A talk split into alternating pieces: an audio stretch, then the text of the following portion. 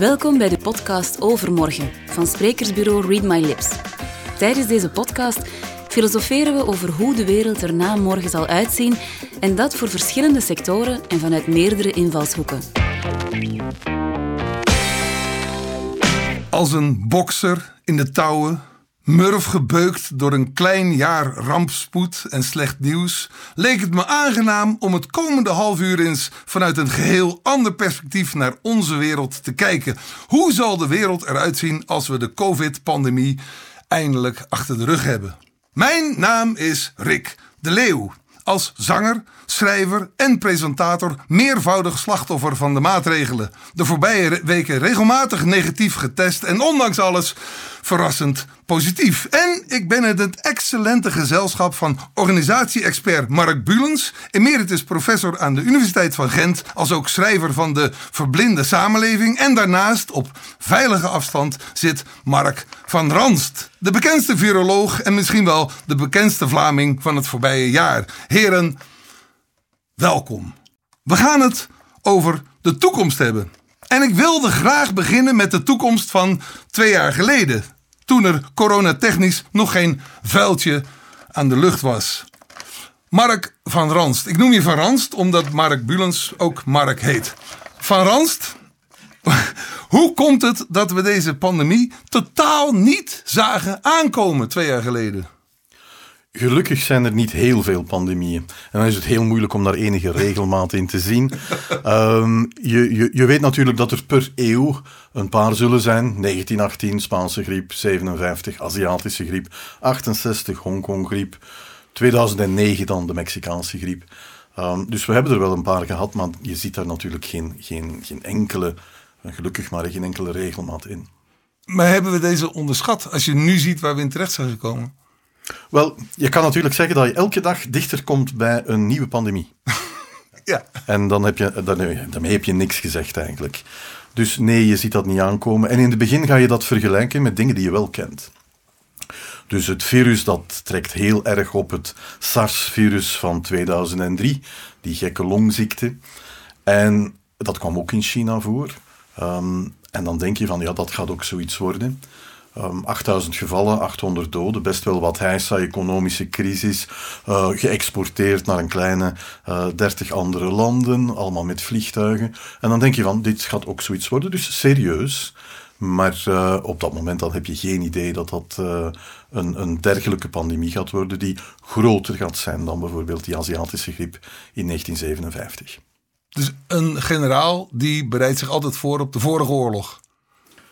Je vergelijkt met dingen die je kent. Ja. Ja, dat, uh, in het begin is het ook totaal onduidelijk en hangt het ook af van, van de respons van het, uh, het land waar die pandemie begint, van of en hoe zich dat gaat kunnen verspreiden. Dus uh, we moeten er ook mee leven dat sommige dingen niet te voorspellen zijn. Maar dat er ooit pandemieën komen die nog erger dan de deze gaan zijn, daar moet je van uitgaan. Dat zien we ook in het dierenrijk, uh, waar we ook maar deel van uitmaken. Dus dat, dat kan. Ja. Um, um, Mark Bulens, als organisatie-expert, eh, kan een samenleving zich eigenlijk wel voorbereiden op iets waarvan het niet weet wat het is? Uh, ja, dat doen we voortdurend. Hè. Dat heet verzekeringspremie. Hè. Uh, of dat heet degelijke voorbereiding op wat er komen kan. Ik weet niet wanneer ik zal sterven, maar artsen kunnen mij wel heel goed advies geven om die datum zo lang mogelijk uit te stellen. Namelijk beweeg veel, uh, vermijd dierlijke vetten. Dus men kan zeer concrete adviezen geven, ook al weet men niet exact wat er zal komen. Hè. En bijvoorbeeld een verschuiving in de geneeskunde naar preventie hè, zou al heel veel oplossen in heel veel onbekende ziektes. En stilletjes aan weten we, als het dan over pandemieën gaat, wat voor soorten fouten de mensheid maakt, waardoor de kans op een pandemie vergroot. Dus we zouden al kunnen werken om die kansen, bijvoorbeeld zeer intensieve vliegreizen of heel nauwe contacten met diersoorten waar wij normaal geen contact mee hebben, om die af te dat bouwen. Dat klinkt heel spannend. Ja, maar dat zijn gewoon uh, bepaalde gebieden in de wereld waar de mens beter zou van wegblijven, die hij nu industrialiseert, waardoor wij dan in contact komen met diersoorten die in hun eigen habitat normaal de mens niet ontmoeten. Ja, zo verhoogt weer de kans. Dus dat soort dingen kunnen we wel doen, ook al weten we niet welke pandemie of welke aardbeving. Ja, aardbevingen weten we ook niet, maar als je Japan bezoekt, zijn wel ongeveer alle huizen uh, vrij van aardbevingen. Die zijn gebouwd op de big one die ooit zou kunnen komen. Dus dat kunnen wij perfect. Maar we doen daar ook niet alles voor. Hè. Wij weten bijvoorbeeld dat in de geschiedenis er soms overstromingen zijn die maar één keer om de 500, één keer om de paar duizend jaar voorkomen. Dus wij zouden onze dijken allemaal vier meter hoger kunnen bouwen. En toch doen we dat niet. En we weten perfect dat dat ooit wel gaat gebeuren. Uh, dus we, we, willen ook niet de inspanning doen om, wat zou heel gek lijken, hè, al die dijken gewoon vier meter hoger. Ja, iedereen zou zeggen, je bent gek wanneer je dat doet. Het ziet er niet uit. Uh, en het is voor iets wat misschien uh, generaties later maar gaat, gaat zich ooit eens voordoen. We gaan het over de toekomst hebben. We hebben net de toekomst van het verleden gehad. We, we, we maken een, een, een sprong vooruit. Want gelukkig is het nu allemaal voorbij. Um, voor, het, voor, het, voor de duidelijkheid, wanneer uh, speelt dit gesprek zich vanaf nu af? Hoe ver in de toekomst moeten we gaan om terug te kunnen kijken op COVID alsof het een, een volledig achter ons gelaten pandemie was? Uh, dat is een moeilijke vraag, want wanneer dat net gaat gedaan zijn, dan gaan we, gaan we corona maar zo moe zijn dat we er even niet over gaan willen praten. Echt, hè? Mm -hmm. dat zag je ook na de Mexicaanse griep in 2009. Iedereen is dat dan zo kotsbeu. Niemand wil dat woord nog even horen. Dus laat ons zeggen dat we binnen drie, vier jaar gaan kijken van uh, wat was dat weer in, uh, in 2020 en 2021. Oké, uh, we zijn dus vanaf nu in 2024 en we, we kijken terug. Uh, meneer Verans, terugkijkend. Wat zijn de voornaamste lessen die we kunnen trekken uit hoe wij om zijn gegaan met die pandemie? Ik denk dat dat op heel veel verschillende niveaus moet zijn. Uh, op beleidsniveau dan, dan zien we heel duidelijk dat ons land een heel ingewikkeld en te ingewikkeld land is om met enige schwung met zulke pandemieën te kunnen omgaan. Um, dat lijkt me een uh, eentje strak voor straks voor de organisatie-expert. Dat denk ik ook. Ja. Het volgende ook. We zijn heel duidelijk nog niet de Verenigde Staten van Europa. We zullen dat in 2024 ook nog niet zijn. En Trouwens, in die andere Verenigde Staten is die epidemie ook niet zo geweldig meegevallen. Maar de afwezigheid van, zeker in, in de eerste fase van uh, Europa, dat, dat is toch ook iets wat, uh, wat eigenlijk niet voor herhaling zou mogen vatbaar zijn. En waar doe je dan precies op? Wel, Europa was afwezig in deze crisis, zeker in het begin. Elk land vond zijn eigen regeltjes, zijn eigen weg, ging, ging grenzen sluiten, ging, ging zelfs vrachtwagens tegenhouden met mondmaskers aan de grens. We hebben dingen gedaan die zo on-Europees zijn of tegen de Europese gedachten ingaan, dat dat zeker enige reflectie nog gaat, uh, gaat vragen. Mark Bulens, de reflectie graag op deze organisatorische crisis binnen Europa. Is die, is die voorspelbaar? Is die logisch? Is die te verklaren? Uh, ja en nee. Als je daarin nooit in investeert, in hoe je een crisisstructuur in Europa op uh, punt stelt. Ook niet in België. Als je daar nooit in investeert, als je geen simulaties doorvoert. Want dat gaan we doen. Dus, na, dus we blikken nu drie jaar terug. We hebben geleerd dat je zo'n dingen wel kan simuleren. Dat je scenario's kan schrijven. En dat je dan minstens van de vijf scenario's die je hebt geschreven, datgene er kunt uit, diegene er kunt uitpikken die het meest lijkt op hetgeen zich aan het afdoen is, dan kan je vertrekken vanuit een bepaald standpunt. En er zal hopelijk wel geïnvesteerd zijn de laatste twee jaar na corona in dingen zoals hoe krijg je dat in een goede organisatievorm. En die is gekend. Je moet altijd het belangrijkste centraliseren en de uitvoering decentraliseren. Dat is een heel eenvoudig principe. Het belangrijkste heden ten is informatie. De grootste klacht die ik heb gehoord is: wij weten te weinig daarover. Die informatie stroomt niet door. Dus je moet zorgen dat die centraal wordt niet, niet opgezeten, niet, niet gemonopoliseerd, maar die moet heel goed aangestuurd worden. Dat alle informatie die beschikking is, wat gebeurt er in andere landen, wat gebeurt er in de dorpen, wat, hoe kunnen dokters dus informatie doorspelen naar Scienzano. Hoe kan Scienzano? Dus dat moet gecentraliseerd worden met principes en beleid om zo snel mogelijk te decentraliseren dat die informatie bij alle niveaus, bij alle besluitvormers terechtkomt. Ook in Europa. Je ziet dat op de, uh, het inkleuren van de landen. Die informatie, als Griekenland cijfers doorgeeft over de toestand, of Hongarije, of Engeland of België, dat is erg verschillend. Dus dat moet gecentraliseerd worden. Namelijk, zo wordt die informatie verzameld. Dat is kwaliteitszorg. Die informatie moet er zijn en die moet dan voor de uitvoering, voor de beslissing, desnoods op het niveau van de burgemeester worden gebracht. Daar is heel weinig belangstelling voor, voor dat soort redeneringen. Ik wil zeggen, want dan heb je als organisatie-expert met heb je toch tandenknarsend moeten toegekijken de afgelopen drie jaar. Ja, ik heb dit ook een intellectuele crisis genoemd. Dus mhm. ook dat soort ideeën is heel weinig uiteengezet. Uh, en en hoe komt dat? Is, is daar, waarom is Weinig belangstelling. Men vindt dat een beetje een wereldvreemd vakgebied. En ik was vooral baas op de bestuurskundige. Dus iedereen moeide zich met de crisis. Iedereen werd expert. Sommigen terecht en anderen niet terecht. Maar diegenen die rond die staatsstructuren en rond de manier waarop je een crisisstructuur opzet, zouden moeten simulaties hebben en theorieën hebben, modellen hebben, namelijk de bestuurskundigen, hm. die zwegen in alle talen in ongeveer alle landen. Want het is geen zuiver Belgisch probleem. En dus die hebben het ook nooit bestudeerd. Die waren, in België waren er duidelijk belangrijker dingen, zoals Brussel, Halle, Vilvoorde. Dat is grondig bestudeerd. Hè. Dus dat soort dingen. Een crisisstructuur nu nog in België. Uh, dat is ongeveer, om, vanuit mijn vakgebied, hè, mhm. ongeveer onbestaande. Je ziet sterke individuen, je ziet zeer competente individuen. Uh, maar je ziet geen sterke structuren. Vraag aan alle besluitvormers: wat is de crisisstructuur nu in België rond corona? Hoe werkt die? Wat zijn de structuren, de normen? Wat is de cultuur? Hoe worden die groepen opgeleid om in team te werken?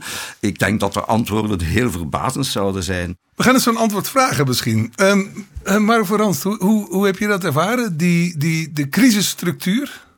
Wel, we hebben een, een wildgroei gezien aan comité's en comiteiten. En als er dan een probleem met een bepaald comité was, dan was er één oplossing en dat was een nieuw en een ander comité. Ja. En, pas op, dat werkt, hè, want, want je raakt verder, de tijd loopt verder en, eh, en je gaat verder in die crisis. Maar natuurlijk is dat de horror. Hè. Um, er, is, er is absoluut geen gebrek aan goede wil. Die vind je op alle mogelijke niveaus. Maar eh, men heeft het heel moeilijk om, om um, ja, ergens een, een, niveau te hebben waar je kan zeggen: de buck stops here. Ja? En hier gaan we nu de beslissing nemen en that's it.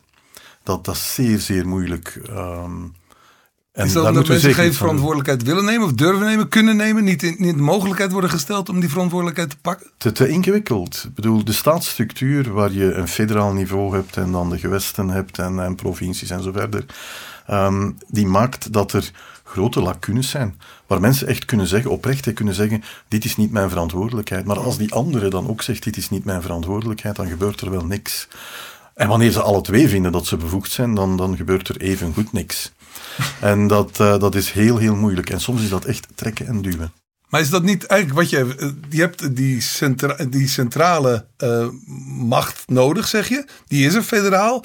En dat moet dan vertakt worden naar de, naar de gewesten. Dat is eigenlijk, het zou ideaal kunnen werken. Het zou ideaal kunnen werken en het is een al-oud managementprincipe. Je verantwoordelijkheid moet gelijk aan je bevoegdheid. Dat is heel eenvoudig. en wat Mark Farans zegt is heel duidelijk. De bevoegdheden en de verantwoordelijkheden lagen helemaal verspreid. En wel mensen, want ik heb heel veel vergaderd uh, met de experts. Uh, de mensen zelf zijn zeer competent en ze zetten zich dag en nacht in. Maar dat is in een structuur die helemaal niet werkt. Ik ga je een voorbeeld geven. Men weet dat teams maar werken als ze gerodeerd zijn. Je hebt een aantal vergaderingen nodig om elkaar af te tasten. En na een tijd voel je dat aan. En soms heb ik vergaderd in, in subteams waarvan ik zeg, ja, oké, na de eerste vijf meetings lukt het. Maar telkens als een team begon te werken, en we hebben samen in zo'n team gezeten, eh, begon iemand daarover ja, ideeën te hebben, uh, te luisteren naar allerlei vreemde boodschappen. Dan werd dat team afgeschaft en werd dat vervangen door een nog groter team meestal. Waarbij men een ander principe vergat. Meer is anders. Vijf mensen die samenwerken kunnen een team vormen twintig mensen die samen die vergaderen en die maken wat ruzie. En honderd mensen die samen zitten, die, ja, die spelen parlementje. Dat heeft allemaal zijn rol. maar dat moet aangestuurd worden. Je moet dus bijvoorbeeld met een kerncomité van vier, vijf mensen die de volle verantwoordelijkheid nemen.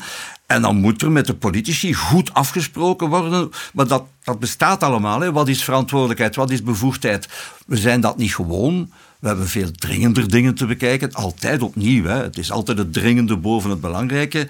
En we hollen nog altijd na een jaar van de ene dringende problematiek naar de volgende dringende. Ja, dat is eigen aan dit soort aanpak. Dus ik hoop, als we nu terugblikken op twee jaar geleden, dat men aan universiteiten niet alleen studieopdrachten heeft gegeven om nog eens het zoveelste proteïne te bestuderen of de psychologie van de eenzame RVT-bewoner, maar ook wat zijn werkbare in binnen- en buitenland crisisstructuren, hoe kan je die mensen opleiden, eh, die mensen moeten dat gesimuleerd hebben. Dus die crisiscomité's moeten minstens tien keer in simulaties hebben gezeten met politici bij van hoe werkt dat. En als dan de elfde keer het voor echt is, dan zeggen ze ja, we herinneren ons nog wel dat als die iets zegt, dat we beter luisteren en die enzovoort enzovoort. Maar je zei het het is geen typisch Belgisch probleem. Nee, nee, want, nee, want noem eens één land waar het wel... Singapore, denk ik, zal daar al veel dichterbij komen. Die hebben een veel langere traditie om dat heel rationeel, heel managerial aan te pakken. Dus Singapore heeft daar... Dat is wel een land. Er zijn enkele landen die... eh, die, die op dat gebied veel ook in hun gezondheidszorg, bijvoorbeeld obesitas, nu is een andere crisis. Hè. Ja, als je daar als ouder een te zwaar kind naar school stuurt, dan krijg je een opvoedkundige taak. Hè. Dat, de ouders worden dan geroepen, ja, maar wij zijn voor de vrijheid blij, dat mag je niet doen. Ik heb dus de volle vrijheid als ouder mijn kind de meest verslavende middelen mee te geven. De meest, ja, suikers zijn verslavend. hè. En daar zijn dus mogelijkheden, en dat is wat ik hoop, eh, wat we gaan voeren, eh, voorbij, gevoerd hebben de laatste twee jaar. Namelijk, wat zijn de grenzen van de individuele vrijheid? En waar kunnen we leren van landen die het wat anders doen? Maar we kunnen die individuele vrijheid niet blijven op de spits drijven. Ik mag alles, ik als ondernemer mag gelijk wat produceren. Ik als consument mag gelijk wat consumeren. En dan krijg je discussies, die moeten we in een, in een democratie open en bloot voeren. Hè. En in die discussies mag je als burger om het even wat zeggen. En daar zit ook een probleem. De informatiestroom en vooral het, eh, de, de, de fake news. Dat zijn belangrijke zaken die zeer ondermijnend kunnen werken. Eh, eh, hebben we daar ehm, lessen uitgetrokken in de, in de voorbije drie jaar? Ik alleszins wel. Namelijk in mijn boek De Verblinde Samenleving zeg ik, onze democratie gaat ten onder aan het niveau dat niet bestaat. We hebben niveaus van meeweten, we weten heel veel. Hè. Meepraten, dat zegt u, hè, en liefst emotioneel en schelden. Maar we geen niveau van meeweten. Er mogen zeer weinig mensen meedenken, sorry, er mogen heel weinig mensen meedenken. Maar op Facebook eh, schelden op een viroloog is niet meedenken. In het parlement een statement maken is niet meedenken.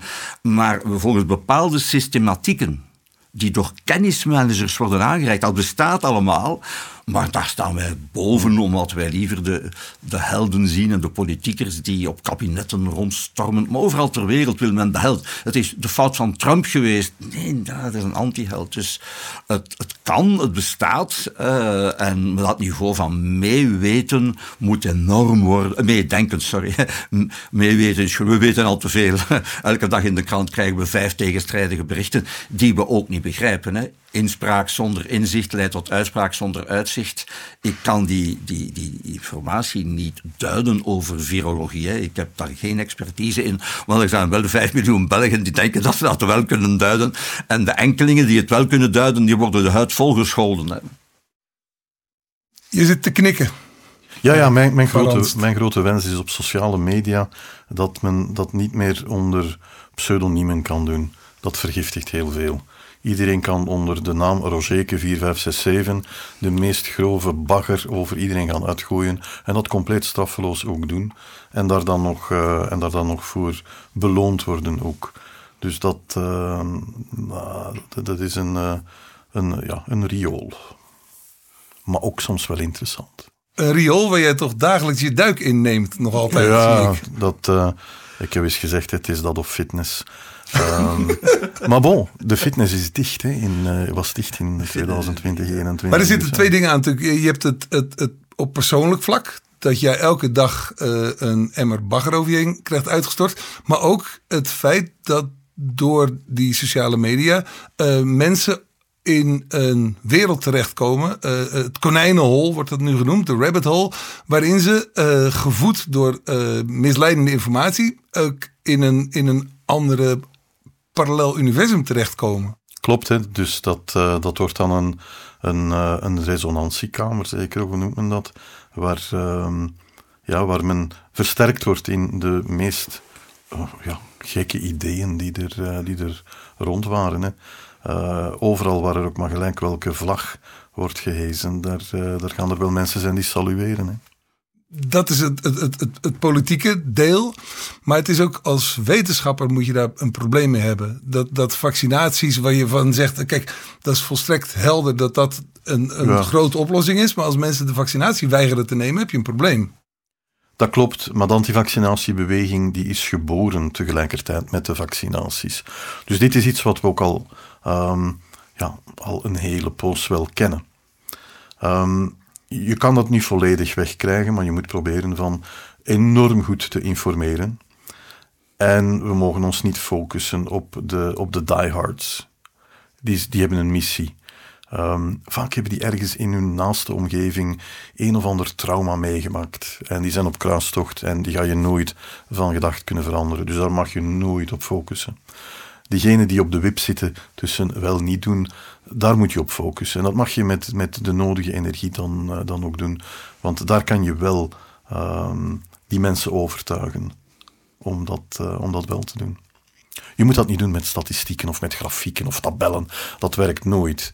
Maar wanneer ik daar zeg van, ik vaccineer mijn, uh, mijn moeder en vader omdat ik ze graag zie. Ik vaccineer mijn zoon.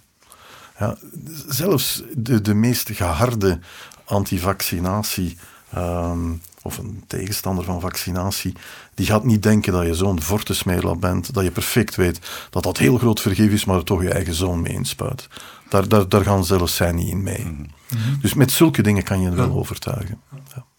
Want het is uh, ontwrichtend. Hè, voor een, elke organisatie, denk ik, is, is kwetsbaar. En een, een open uh, organisatie zoals een, een westerse democratie is natuurlijk zeer vatbaar voor het gif van desinformatie.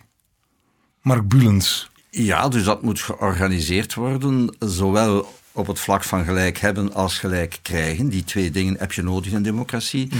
Voor gelijk hebben moet je je richten tot de wetenschappers en die respecteren en die niet laten in commerciële systemen eigen budgetten, kost wat kost. Veel hoogleraren klagen dat hun enige job nog is budgetten binnenhalen. Het beloningssysteem is vaak niet om dichter bij de waarheid te komen, maar om budgetten binnen te halen. Dus daar is ook een taak voor die wetenschappers. En het brede publiek moet weten dat wetenschappers heel graag van mening verschillen. Wetenschap gaat maar vooruit omdat zij weten dat ze geen gelijk hebben. En zij hoeven zich niet bezig te houden met kost wat kost gelijk te krijgen. Want dat is voor charlatans. Een charlatan is altijd zeker over zijn meest absurde ideeën. Maar dan zijn er andere instanties die de inzichten, altijd voorlopige, altijd de voorlopige inzichten van wetenschappers, op de juiste manier moeten vertalen naar het brede publiek. En daar heeft Mark Varans een mooi voorbeeld gegeven. Die communicatie volgt totaal andere paden dan de eerste communicatie. De eerste volgde via negativa, hypothesen verwerpen, toetsen, kritiek geven, theorie. Dat is, al gekend sinds Popper. Zo werkt wetenschap. Hè. Vandaar dat wetenschappers voorzichtig zijn, aftastend zijn. Als het echte wetenschappers zijn. Op het moment dat ze, ik weet het zeker en zo zal het zijn, gaan zij naar de kant van gelijk krijgen, waar ze vaak minder goed in zijn dan charlatans. Hè.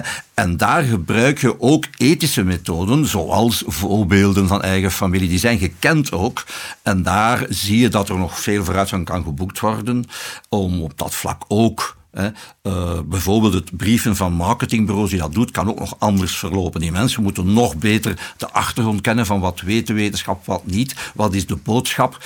En die kunnen niet vlug, vlug op het laatste moment. Ja, ik heb heel vaak meegemaakt in discussies over het coronavirus. We gaan dat beslissen en dan moet iemand anders dat communiceren. Dat is een heel slecht model.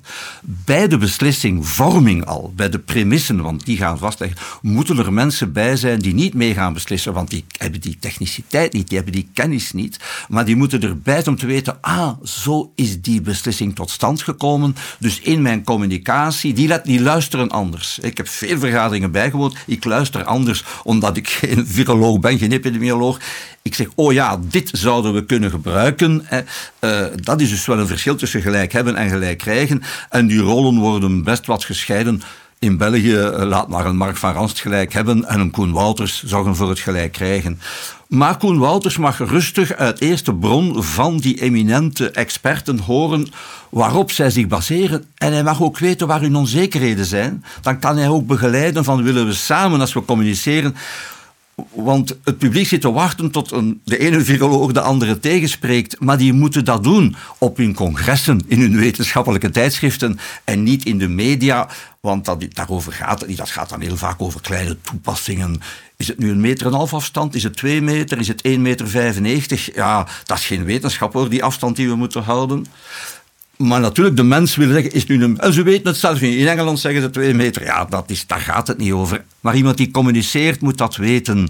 Dat het een... Ja, en die moet dan het eerst zo... En dat, daar moeten we veel vooruitgang in boeken. Mm -hmm. Dat nu, Die lijnen zijn heel kort hoor. Uh, Koen Wouters, daar, daar, daar babbel ik heel veel mee. Oh, ja. Um, en dan weet je ook dat die boodschap naadloos ja, ja, en, perfect gaat gebracht worden. Koen doet dat nu een jaar of vier. Uh, we zitten nog altijd in 2024. Um, hoe ziet de nabije toekomst eruit? Uh, welke uh, maatregelen zijn blijvend in de wereld die komen gaat?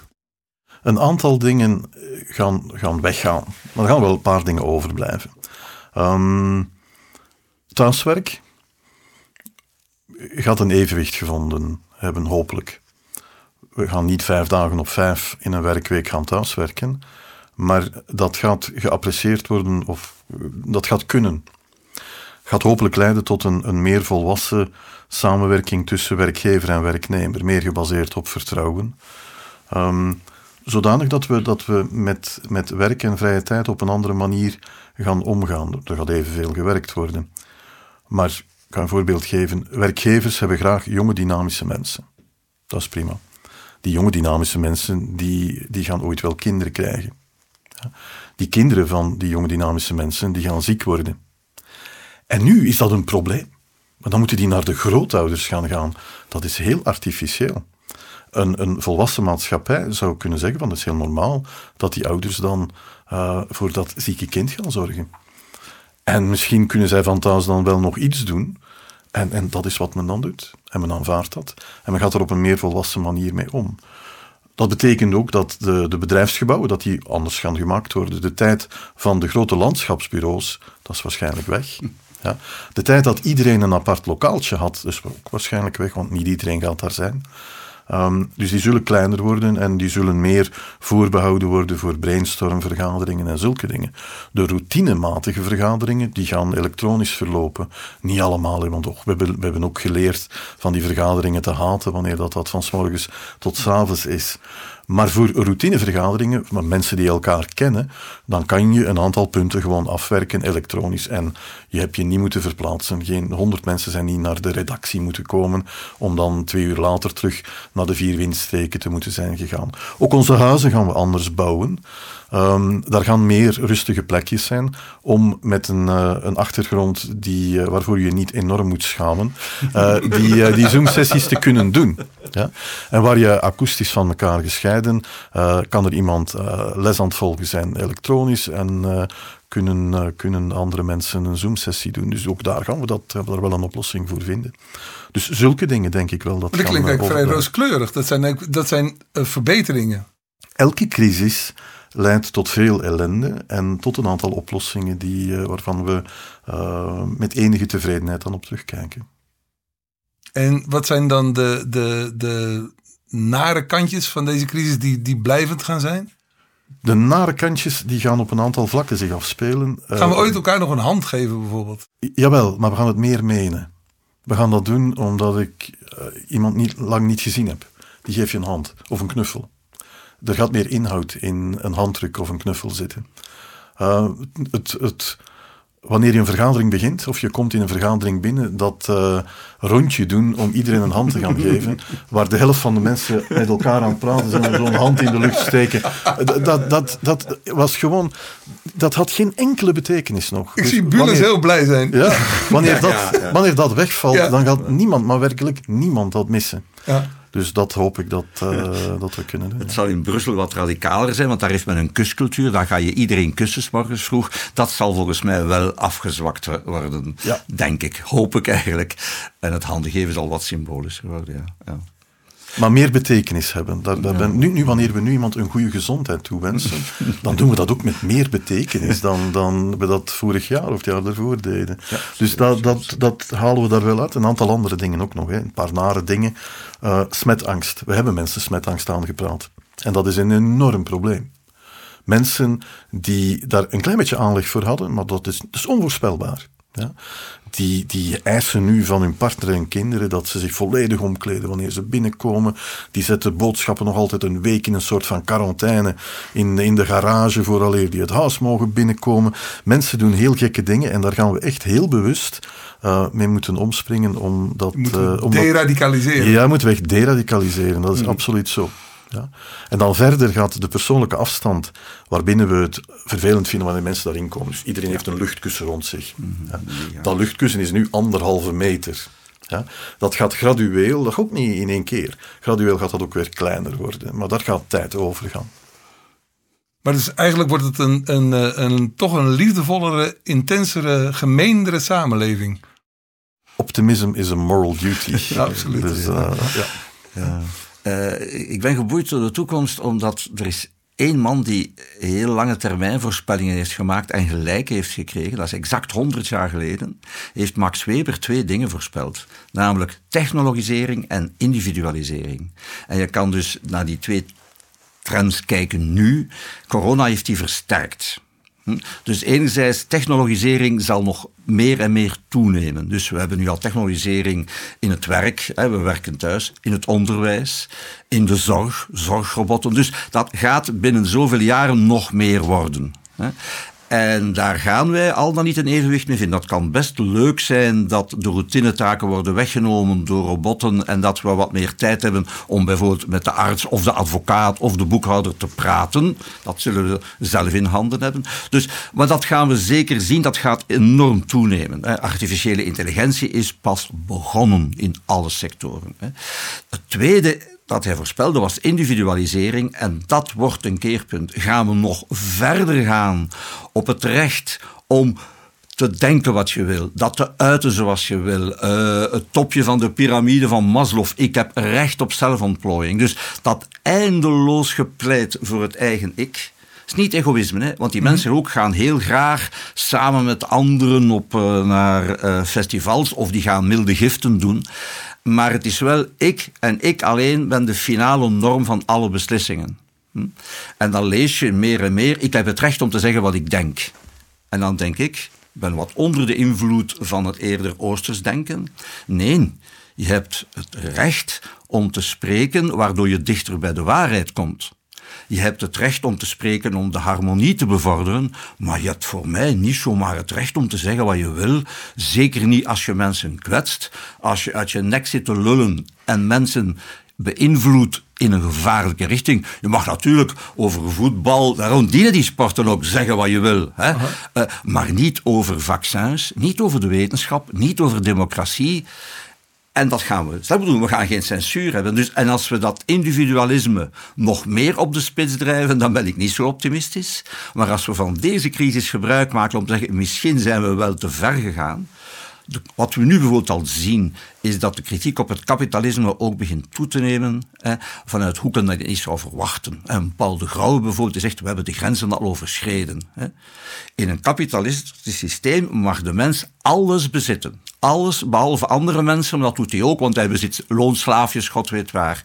Dat kan niet. Hmm. Dat kan niet. Hij beschikt ook ik, wist, ik heb het nu ontdekt als managementdeskundige, hij beschikt ook alle informatie. Dus het belangrijkste beschikt nu ook Google en Facebook. Dus we laten toe dat enkelingen of kleine groepjes werken voor een kleine groep mensen om ze rijk, en dat is gebeurd nu, hè, om ze nog rijker te maken.